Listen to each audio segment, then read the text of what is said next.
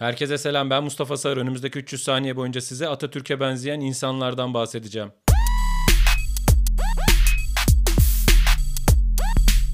Odamda otururken Tuğba içeri girdi ve teyzesinin seks shop açtığını söyledi. Ben de dedim ki aşkım tamam hayırlı olsuna gideriz istiyorsan. Sonra tabii biraz gülüştük. Bilmiyorum eşinizin teyzesi hiç seks shop açtı mı da gerçekten enteresan. Bir sonraki bayram ziyareti biraz garip geçecek gibi duruyor. Ya da ne bileyim yani lazım da olabilir bir yandan düşününce. iyi olmuş da olabilir. Yani eczacı tanıdığınızın olması gibi bir durumu da var. Ben bu haberi kafamda proses etmeye çalışırken sonra ikinci bir haberle beynim yandı. Atatürk'e benzeyen adam TikTok'ta 1 milyon lira toplamış. Ya bu ülkenin gerçekten Atatürk sevgisi tartışılmaz Evet Atatürk'ü çok seven bir sürü insan var etrafımızda ama bu bir Atatürk sevgisi mi? Bu bir Atatürkçülük mü? Bunu da düşünmek lazım. Yani Atatürk'e benzeyen adam zaten TikTok açması apayrı bir olay. Adam Atatürk'e benzediği için TikTok canlı yayını açıyor. O canlı yayında da filtre kullanıyor. Şapka ve bıyık filtresi. Sanki biraz Atatürk'e benzemenin havasını atıyor gibi. Sonuçta Atatürk'e benzemesi gerekirken niye Atatürk'e daha çok benzememeye çalışsın ki filtreyle? Şunu diyor yani ben bıyıkla şapkayla bile Atatürk'e benziyorum. Daha fazla para gönderin. Ki bence Atatürk'e o kadar benzemiyor. Bence kendisi Atatürk'e benzeyen adama benziyor.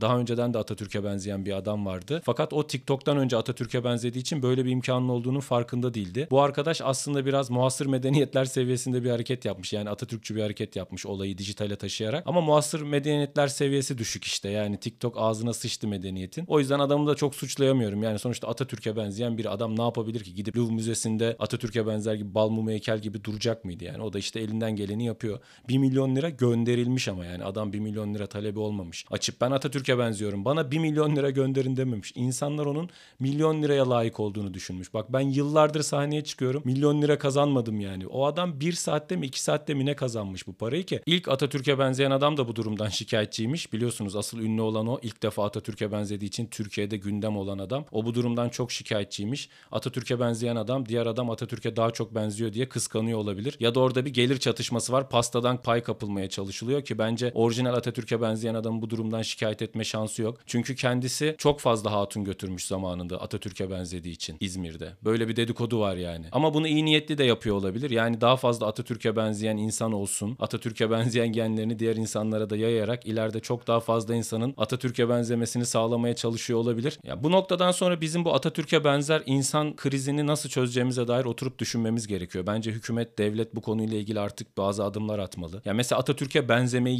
yasaklayabilirler. Yani Atatürk'e benziyorsan sen bıyık bırakacaksın, piercing takacaksın. Ne bileyim Atatürk'e benzemeyeceksin yani. Atatürk'e benzememek o kadar zor değil. Bence Atatürk'e benzemek daha zor. Çaba sarf ettiren bir şey. Ya da ne bileyim Atatürk'e benzerler yarışması yapılabilir. Yani devlet kontrolünde. Önce Atatürk'e benzerler federasyonu kurulur. O federasyonun da her sene yaptığı bir tane yarışma olabilir. Bu yarışmada işte Atatürk'e benzediğini iddia eden insanlar zeybek oynayabilirler. Ne bileyim VR takılıp savaş simülasyonunda doğru kararlar verilmesi istenebilir. İşte muasır medeniyetler seviyesine ne kadar ayıklar, bununla ilgili işte modayla ilgili sorular sorulabilir. Bunun sonucunda da birinci olan Atatürk'e benzeyen adama bir sene boyunca TikTok'tan istediği kadar para kazanma hakkı verilebilir. Atatürk'e benzeyen adamlara çok fazla mesai harcadığımı fark ettim. Hala eşimin teyzesinin seks shop açması ile ilgili düşünmem gereken şeyler var. O durumu henüz proses edemedim ki Tuğba'dan bir şey daha öğrendim. Teyzesi seks shop açmadan önce de korsan taksicilik yapıyormuş. Yani kadın bir beyaz yakalı kafe açmak ister ya işinden ayrılır bankadan falan. Onun gibi korsan taksicilik yaparken bir anda seks shop açma hayaliyle yanıyormuş ve korsan taksiciliği bırakıp seks shop açmış. Yani eski müşterilerine şunu söyleyebilir. Daha önceden sizin bir yere gitmenizi sağlıyordum. Şimdi gelmenizi sağlayacağım. Ha ha ha. This bölüm brought you by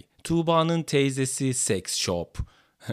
Tabi sponsorluk aldığımı en sonunda söylemem gerekiyordu. Tuğba'nın teyzesinin sex shop'undan aldığım sponsorluk için Tuğba'nın teyzesinin ellerinden öpüyorum. Bir sonraki bayramda işe yarayan şekerlerden iki kat vermesini istiyorum. Bir sonraki bölümde görüşmek üzere. Kalın sağlıcakla.